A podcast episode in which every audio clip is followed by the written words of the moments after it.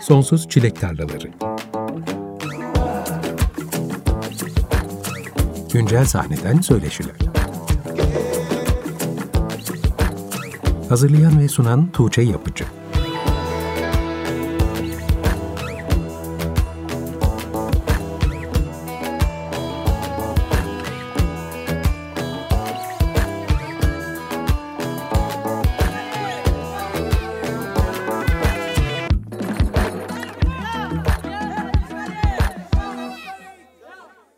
95.0 Açık Radyo'da Sonsuz Çilek Tarlalarından herkese merhaba. Ben Tuğçe Yapıcı. Programa Gökçe Coşkun'un 4 Mart'ta yayınlanan Bir Dilek Diledim albümünden Durdurun Zamanı adlı parçasıyla açılış yaptık. Önümüzdeki bir saat boyunca Gökçe Coşkun'la ilk albümünü konuşacağız ve albümden parçalar dinleyeceğiz. Hoş geldin Gökçe. Hoş buldum. Merhaba.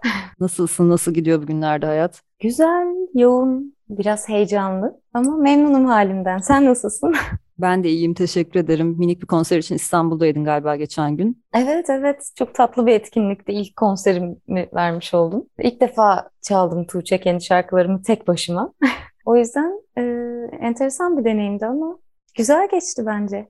İyi hissettim yani. Sırada yeni konserler de olacak. Hatta bir tanesinin haberini vereceğiz ama biraz programın sonlarına doğru saklayalım. Üzerine de konuşuruz zaten. Hı hı. İlk albümün çok taze yayınlandığı için bu akşam albümden bol bol konuşacağız. Ama albüme gelmeden önce biraz daha geriye gitmek istiyorum. Ben senin müziğinle 2020'de yayınladığın Dünya Bir Kabuk EP'si sayesinde tanışmıştım. EP'nin öncesinde iki tane single daha yayınlamışsın ama ben o zaman keşfedememişim. Dünya Bir Kabuğu dinleyince çok etkilenmiştim ve o günden beri de senden bir uzun çalar albüm bekliyordum. Ama 2019'da kendi şarkılarını yayınlamaya başladığın solo projenin öncesinde senin çocukluğa dayanan çok uzun bir müzik geçmişin var. Bu akşam biraz Gökçe Coşkun'un müziği bugün duyduğumuz haline gelinceye kadar senin geçtiğin yollardan bahsederek başlayalım istiyorum ki biz dinleyenler de bu albümü daha doğru bir şekilde anlamlandırabilsinler. 7 yaşında İstanbul Üniversitesi Devlet Konservatuvarı'nda müzik eğitimi almaya başlıyorsun. Konservatuvar hayatın ne kadar sürdü, hangi alanlarda çalıştın, hangi enstrümanlarla iştigal ettin? Senden biraz bunları dinleyerek başlayalım dilersen. Elbette. Tuğçe 8 yaşında keman çalmaya başladım. 7 yaşında kazandığım konservatuvarda ve 8 yaşından sonra hep hayatımda keman oldu. Yarı zamanlı gidiyordum o zaman konservatuvara. Yani aslında yazı yazmayı öğrenirken notaları da okumayı öğreniyordum gibi. Böyle paralel ilerleyen hem müzik öğrenme süreci hem diğer taraftan işte okumayı öğreniyorsun falan. Hepsi çok iç içeydi ve çok büyük çabalarla aslında annemin babamın beni o okula götürüp getirdiğini hatırlıyorum. Onlar da öğretmendi ve senelerce sürdü bu çaba. Dolayısıyla yani ben de sanırım buna bağlı olarak bu işi hiç bırakmak istemedim ve çok da severek yaptığım bir şeydi keman çalmak. Güzel Sanatlar Lisesi'nde okurken yani hayatıma değişik deneyimler karşıma çıktı diyeyim hayatımda. İşte Anatema grubunun imza gününe gitmiştim ve çok dinliyordum o zaman Anatema'yı ve kemanım yanımdaydı. Onların bir şarkısının keman solosunu çalmıştım. Ondan sonra ertesi gün bizimle konsere çıkar mısın dediler ve ben ertesi gün onlarla konsere çıktım ve 15 yaşındaydım. Belki de işte o klasik müzikten beni biraz daha kendi şarkılarını yazıp üretmeye iten hareket belki de bu olmuştur diye şimdi geriye dönüp bakınca düşünüyorum. Çünkü o sahnede olmak müthiş bir şeydi. Klasik müzikten farklı olarak ben keman çalarken insanların hani susup e, mum gibi böyle beni seyredip dinlemedikleri, aksine inanılmaz bir coşkunun olduğu ve kendimi orada çok özgür hissettiğim, bir ekibin parçası olduğum için de çok mutlu hissettiğim bir şeyin içindeydim. Sonra şeyi fark ettim. Evet, keman solo bir enstrüman keman çalmak, bu müzik yani klasik müzik disiplininin içinde müziği öğrenmek çok güzel bir şey. Bana çok şey katıyor ama ben sanırım buradan biraz uzaklaşmaya da ihtiyaç duyuyorum zaman zaman. Ve farklı müzik türleriyle o şekilde e, tanıştım ve o şekilde başladı bu hevesim diyebilirim. Ana ile çalışma hikayeni çok merak ediyordum aslında nasıl geliştiğini. Çünkü onların çok fazla Türkiye'ye geldikleri, burada çok konser verdikleri bir dönem vardı. Hı hı. Herhalde o dönemde kaç senesiydi bu? 2013 senesi ve şey tamamen tesadüfen. Ya ertesi gün konsere gideceğim ama bir önceki gün imza günü olduğundan ya olduğundan hiç haberim yok. Keman dersine gidiyordum bir tane böyle özel ders alıyordum bir kemancıdan. Ve İstiklal'de yürürken bir takım insanlar böyle sıra olmuşlar falan siyah giyinen. Aa işte bana benziyorlar falan. Ben de öyleyim. Gotik takılıyorum o zamanlar. Bir baktım anatema imza günü ve o saatte ben oradan geçerken çok enteresandı. Yani hayatımda böyle bir şeyle karşılaşmak. Sonra orada durdum ve elimden sadece keman çalmak geldi. Çünkü çok seviyorum. En sevdiğim grup. Ağlıyorum sürekli şarkılarını dinlerken falan. Çok yoğun, his, yoğun hissettiriyorlar falan. O 2013 senesinden sonra zaman zaman geldiklerinde işte iletişime geçtik ve tekrar tekrar çaldığım konserler oldu. Çok güzeldi. Tek bir defa değil yani evet. Evet devamı geldi nadiren de olsa. Peki seni solo projen öncesinde sahnelerde veya kayıtlarda nerelerde duymuş olabiliriz? E, Can Kazaz'la birlikte keman çaldım iki, iki buçuk sene boyunca. Onunla sahnelere de çıktık. Onun dışında böyle uzun soluklu bir projenin içinde yer almadım açıkçası. İşte Kardeş Türküler'de çalmıştım Harbiye kadrosunda. O da çok enteresan bir deneyimdi. Öyle bir bütünün içinde yer almak ve farklı tavırlarda keman çalmak da aslında çok öğreticiydi bence. Onun dışında hep böyle e, işte birileri bu konserde keman çalar mısın dediğinde gittiğim projelerde yer aldım. Birkaç ay önce Güneş Özgeç konuk olmuştu programa. Hı. O zaman da konservatuvar eğitiminin müzisyenler üzerindeki etkilerinden biraz bahsetmiştik onunla. Onun da çocukluktan başlayan bir konservatuvar hayatı olduğu için orada alınan eğitimin sanatçıların öz eleştiri yönünü biraz fazla güçlendirdiğini ve kendi üretimlerini yapma konusunda belki de onları ketlediğini söylemişti. Hı. Konservatuvarda geçirdiğin zaman senin müzisyen olarak kendine ve kendi müziğine dair algın nasıl şekillendirdi Gökçe? Şey zor bir soru. Zor bir soru evet. Tabii yarası var yani hepimizde. Bence bütün konservatuar eğitimi almış, bütün demeyeyim ama çoğu insanda bu var. Yani şöyle adı üstünde konservatif yani kapalı bir şeyin içindesiniz. Öyle hissettiriyor zaten sistemin kendisi. Zaman zaman yaptığın şeyi içinden geldiği gibi yaptığında bunun öyle olmaması gerektiği sana söyleniyor. Çünkü orada işleyen bir şey var ve o sadece öyle devam edebilir. Yani sen onun içine kendinden bir şey kattığında bu yanlış bir şey. Dolayısıyla ne bir şey üretebiliyorsun aslında. Yani farklı bir şey yapmaya bir hevesin olmuyor, bir motivasyonun olmuyor.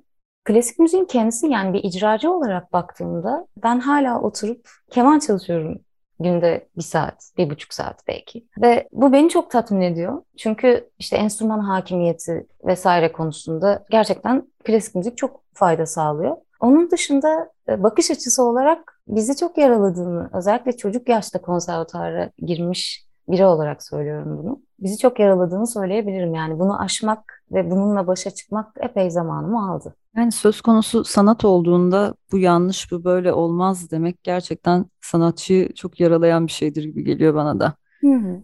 Kendini oradan tamamen mi kurtarman gerekiyor acaba kendin bir şeyler üretebilmek için? Yoksa bir şekilde dengeyi kurup onunla barışmak mümkün oluyor mu? Ee, ya benim açımdan şöyle oldu Tuğçe. Keman çalmak bana ait bir şey olarak kaldı ve hayatımda hep yer alacak bir şey bu. Ama işte üretmek istediğim yerde kendi şarkılarını yazıp söyleyen bir müzisyene dönüştürdü bu beni. Yani o özgürleşme isteği beni böyle bir yere çekti. Ama diğer taraf yani akademik kariyerden ya da o sistemin kendisinden bağımsız olarak ilerlediğinde de benim işte Gökçe Coşkun olarak yaptığım bütün şarkılara çok çok fayda sağlıyor bence ve orayı besliyor. Kendi şarkılarını yazmaya ilk ne zaman başladın? Hı, köye yerleştiğimde. Hiç böyle bir şey yapabileceğimi düşünmüyordum ve ben bir kolektife yerleştim bundan 8 yıl önce. Çanakkale'nin işte Biga ilçesinde bir köyde. Ve bir çağrıya çıkmışlardı bu kolektif. Organik üretim, tarım yapan bir topluluk. Bizim gibi genç insanlardan oluşuyor ve domates hasadı zamanıydı. Ben de e, domates hasadına geldim. Hayatımda ilk defa tarlayla içli dışlı oluyorum vesaire. Ve ondan sonra buradan hiç gitmedim. Hala o köyde yaşıyorum buradaki çocuklarla çalışma şansım oldu. İşte İstanbul'daki işimi bırakıp kendime burada bir yaşam kurma arzusu duydum bir anda ve burada yeni bir hayata başladım. Ve kırsalda olmak ben de kendi şarkılarını ve sözlerini yazan bir müzisyen olma isteğini herhalde doğurdu. Sen İstanbul'da mı doğdun, büyüdün? Evet evet İstanbul'da doğdum. Yani hiçbir köy yaşam deneyimin yoktu önceden. Hiç. Tamamen yeni bir şeydi senin için. Çok yeni bir şeydi evet. O yenilikle birlikte herhalde üretmek için de farklı bir istek geldi. Belki kendine dair de farklı bir şeyleri daha iyi çözümleyebildiğim bir sürece girmişsindir. Evet evet yani çünkü işte ben müziği her yere taşıyabilirim ama gittiğim yerlerdeki yapıya göre de farklı formlara bürünmeli ya. Yani benim için burada ben bu köyde yaşamaya devam edip bir orkestrada keman çalamazdım. Hı hı. Böyle bir şey yapabilirdim. O yüzden de böyle bir şeye evrildi sanırım. Birazdan biraz daha bahsederiz bu köy yaşamının senin solo projeni nasıl etkilediğinden. Bir parça daha dinleyelim istiyorum albümden. Ben o kızı özlüyorum parçası gelecek. Bu parçaya dair anlatmak istediğim bir şeyler vardır diye tahmin ediyorum. Evet, oldukça. Pandeminin başlarında e, benim bir sağlık problemim olmuştu e, Tuğçe ve işte Mart'ta ilk vaka açıklandığı ülkede e, Nisan'da ciğerlerimde bir bulguya rastlandığı için ben kendimi bir hastane odasında buldum bir anda. Testler negatif çıkıyor ama ciğerlerde tutulum var vesaire. Orada çok işte farklı bir bir hafta yaşadım. Oradan çıktıktan sonra da aslında korkuların beni ele geçirdiği, hatta bazen sadece korkudan oluştuğunu hissettiğim, uzun bir sürecin sonunda bu şarkıyı yazıp aklandığımı düşündüğüm, bence böyle bir işe yaradı bu şarkı benim için. İçimdeki zehri akıttığım bir şey oldu diye düşünüyorum. Bu parçada tanıdığımız isimleri gördüğümüz bir de koro var. Kimler var bu koroda? Evet, çok çok hayran olduğum, çok sevdiğim arkadaşlarım var. Ee, Nilipek var, Umut Çetin var, Can Aydınoğlu, Berkay Küçükbaşlar, kardeşim Umut var ve bir de ben varım. Birlikte söylüyoruz. O zaman şimdi bu parçayı dinleyelim. Hemen ardından Gökçe Coşkun'la tekrar sohbetimize devam edeceğiz. Ben o kızı özlüyorum geliyor şimdi. Ardından tekrar buradayız. Açık Radyo'da Sonsuz Çilek Tarlaları programı devam ediyor. Gökçe Coşkun'dan Ben O Kızı Özlüyorum adlı parçasını dinledik. Kendisi aynı zamanda bu akşamki konuğum. Senin gibi uzun bir müzik geçmişi olan ama ilk şarkılarını yayınlamak için uzun zaman bekleyen sanatçılarda hep merak ettiğim bir şey var. Çoğunlukla tam hayallerindeki ilk albümü çıkarabilmek için aceleci davranmadıklarını görüyorum. Sen neyi bekledin ve ilk albüme dair hayalindeki şey neydi Gökçe? Öncelikle bu soruya cevabım gerçekten tam olarak hayal ettiğim bir ilk albümüm oldu. Sanırım bu herkese nasip olmaz. O yüzden şanslı hissediyorum. Çünkü e, herhangi bir projede mesela Kaçış şarkısı ve Bir Dilek Diledim'i ayrı bir yere koyuyorum. Ama işte ondan önceki projelerde şunu söyleyebilirim açıkça. İşte bu böyle bir iş oldu. Bu kişilerle oldu. Çok güzel oldu. İşte ama farklı kişilerle olsaydı öyle de güzel olabilirdi diyebileceğim projeler. Ama Kaçış ve Bir Dilek Diledim'e dair hissiyatım yani bu projede herhangi biri bile eksik olsaydı albüm eksik kalırdı gibi hissediyorum. O yüzden bence doğru zamanda ve doğru şekilde çıkan bir albümdü. Albümdeki şarkıların demlenmesi için de onlara herhalde gereken süreyi vermişsin gibi anlıyorum. Ya aslında onu kardeşim verdi o süreyi. Çünkü benim düzenlemelerimi kardeşim Umut Burkay Coşkun yapıyor. Bütün aranjmanlar ona ait. Orada da ona bir alan açmıştım ve onun içine e, sinen bir noktada bunları kaydedelim diye konuşmuştuk zaten. Ve aslında baktığımda da Dünya Bir Kabuk'ta da Umut'un imzası var aranjmanlarda. Ama bir dilek dilediğimde daha kapsamlı bir şey duyduğumuzu ben düşünüyorum. Orada daha farklı bir çabanın olduğunu. Umut'un da belki kendini bir, birkaç adım daha ileride bir şeyler yarattığını orada gelişimini görebiliyorum açıkçası. Düzenlemeleri çok karakteristik bulduğum için Umut'un da müzik geçmişini merak ediyorum. Umut'un hiç müzik geçmişi. Gerçekten Sadece çok yetenekli. Evet hiç. Kendi başına gitar çalmayı öğrenen, çok zeki ve çok güzel müzik dinleyen bir arkadaşımız kendisi. Ama büyürken de tabii ki sen konservatuara gidiyordun, sürekli evde müzik vardı hı hı. ve birbirinizi beslemişsinizdir diye tahmin ediyorum. Ya evet, hani keman çalmam onu ne kadar etkiledi bilmiyorum ama biz hep aynı grupları, aynı sanatçıları dinledik.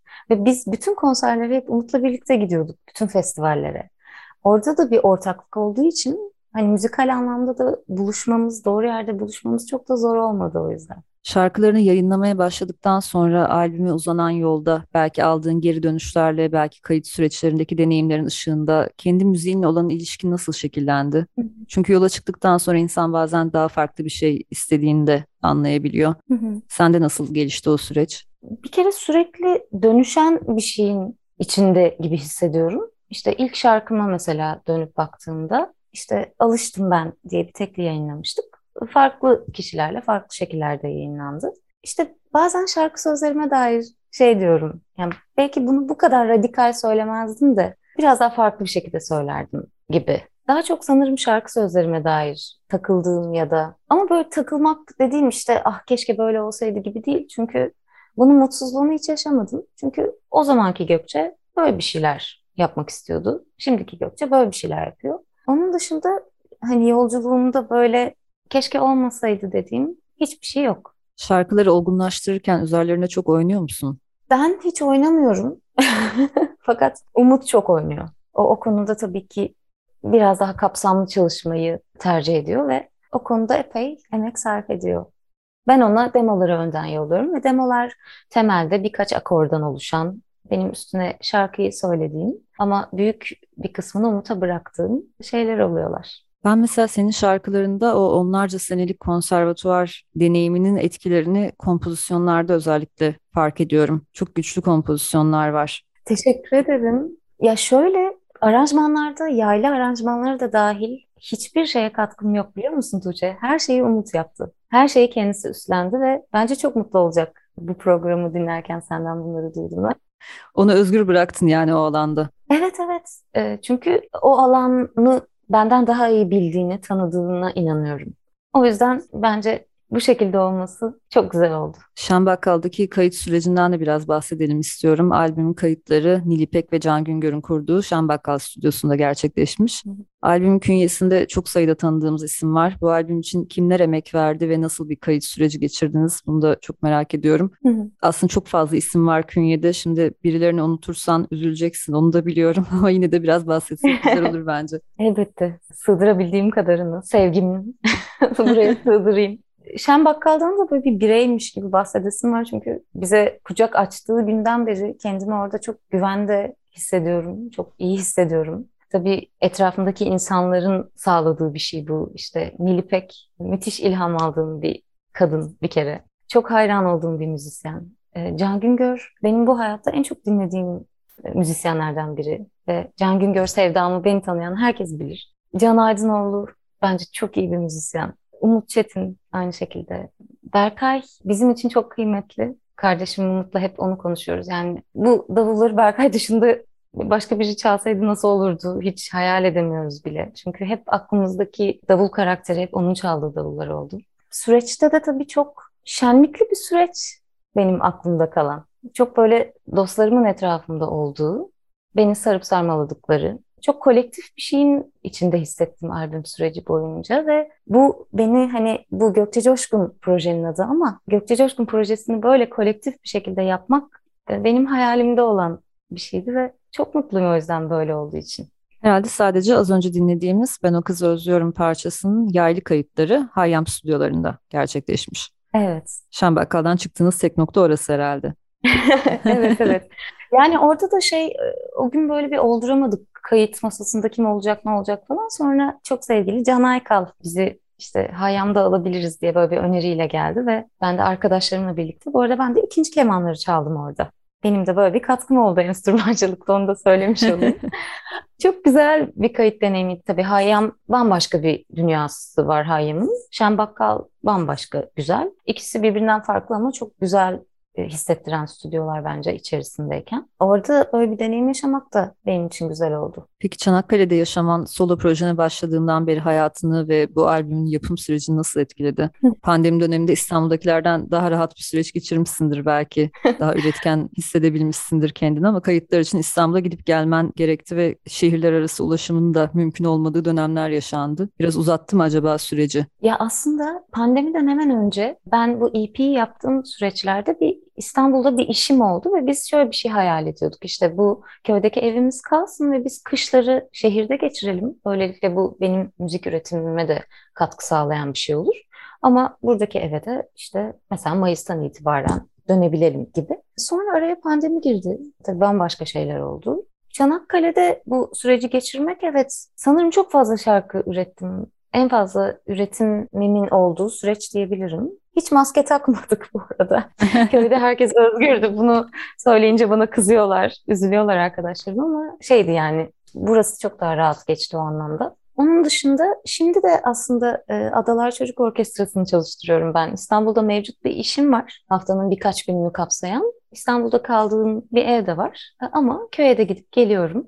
Böyle bir iki şehrin arasında mekik dokuduğum bir süreç oldu. Kayıt sürecinde de öyle oldu yani. Albümün anlatı dünyasına, ruhuna da yansımıştır diye tahmin ediyorum köy hayatı. Ya evet aslında kırsal bir anlatımı belki de var yer yer ama zaman zaman da ben kaotik bir şeyler duyuyorum. Daha şehirli bir albüm duyuyorum. Bilmiyorum senin fikrin ne ya da dinleyicilerimizin fikri ne ama evet belki ikisinin harmanlandığı bir şey olabilir. Evet bence de ikisinin sentezi gibi geliyor bana da. Hmm. Daha önce yayınladığın Korkmadan parçanda da mesela bir köpeğe yazmıştın o parçayı ve az önce o köpekten biraz bahsettin bana yayından önce. Evet. Bana çok ilginç gelmişti o zaman hikayesi. Belki dinleyenler de duymak ister. Ee, Pan bizimle birlikte yaşayan bir köpek ve benim en yakın arkadaşım.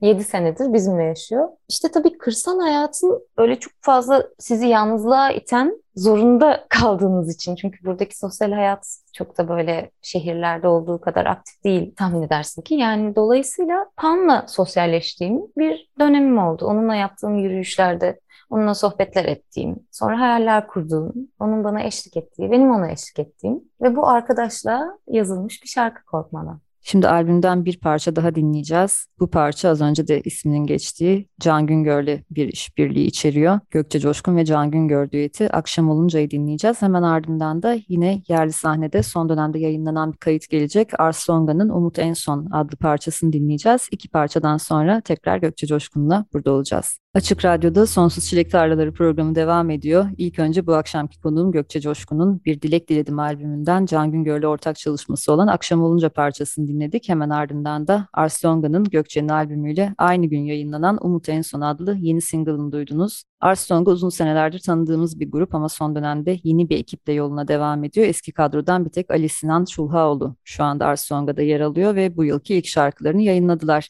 Bir dizi single sonrasında sene sonunda yeni parçaları bir albümde toplamak gibi bir planları var. Bu programda Arsonga'yı hiç çalmamıştık sanırım. Yeni şarkıyla birlikte tekrar kavuşalım istedim. Şimdi programın son bölümünde Gökçe Coşkun'la sohbetimize kaldığımız yerden devam ediyoruz. Az önce dinlediğimiz parçada Can Güngör'le bir düetiniz yer alıyor. Nasıl gelişti bu işbirliği Gökçe? Ee, şarkıyı yazdığım andan itibaren aslında Can'ın sesini duymamla başladı her şey. Çünkü çok fazla Can Güngör dinliyorum ve onun müziğine dair bir şeyler mutlaka şarkılarımda vardır diye düşünüyorum. Bu şarkıyı da hep o söylese ne güzel olur diye hayal etmiştim. Genelde çok doğal hissettiren işbirlikleri böyle gelişiyor gibi görüyorum. Hmm, evet evet. Yani şarkıyı yazarken onu duymak. Evet yani o anda ya ve kime dinletsem aa işte ne kadar Can Güngör bir şarkı falan gibi. Gerçekten. Can'ın sürekli adını andığımız e, arkadaşlarımla birlikte öyle bir süreçten sonra aslında. Şarkıda Can'ı çağırmış yani. Ya evet yani ne mutlu bana bu arada çok çok şanslı hissediyorum. Arada sadece şöyle bir gelişme olmuştu.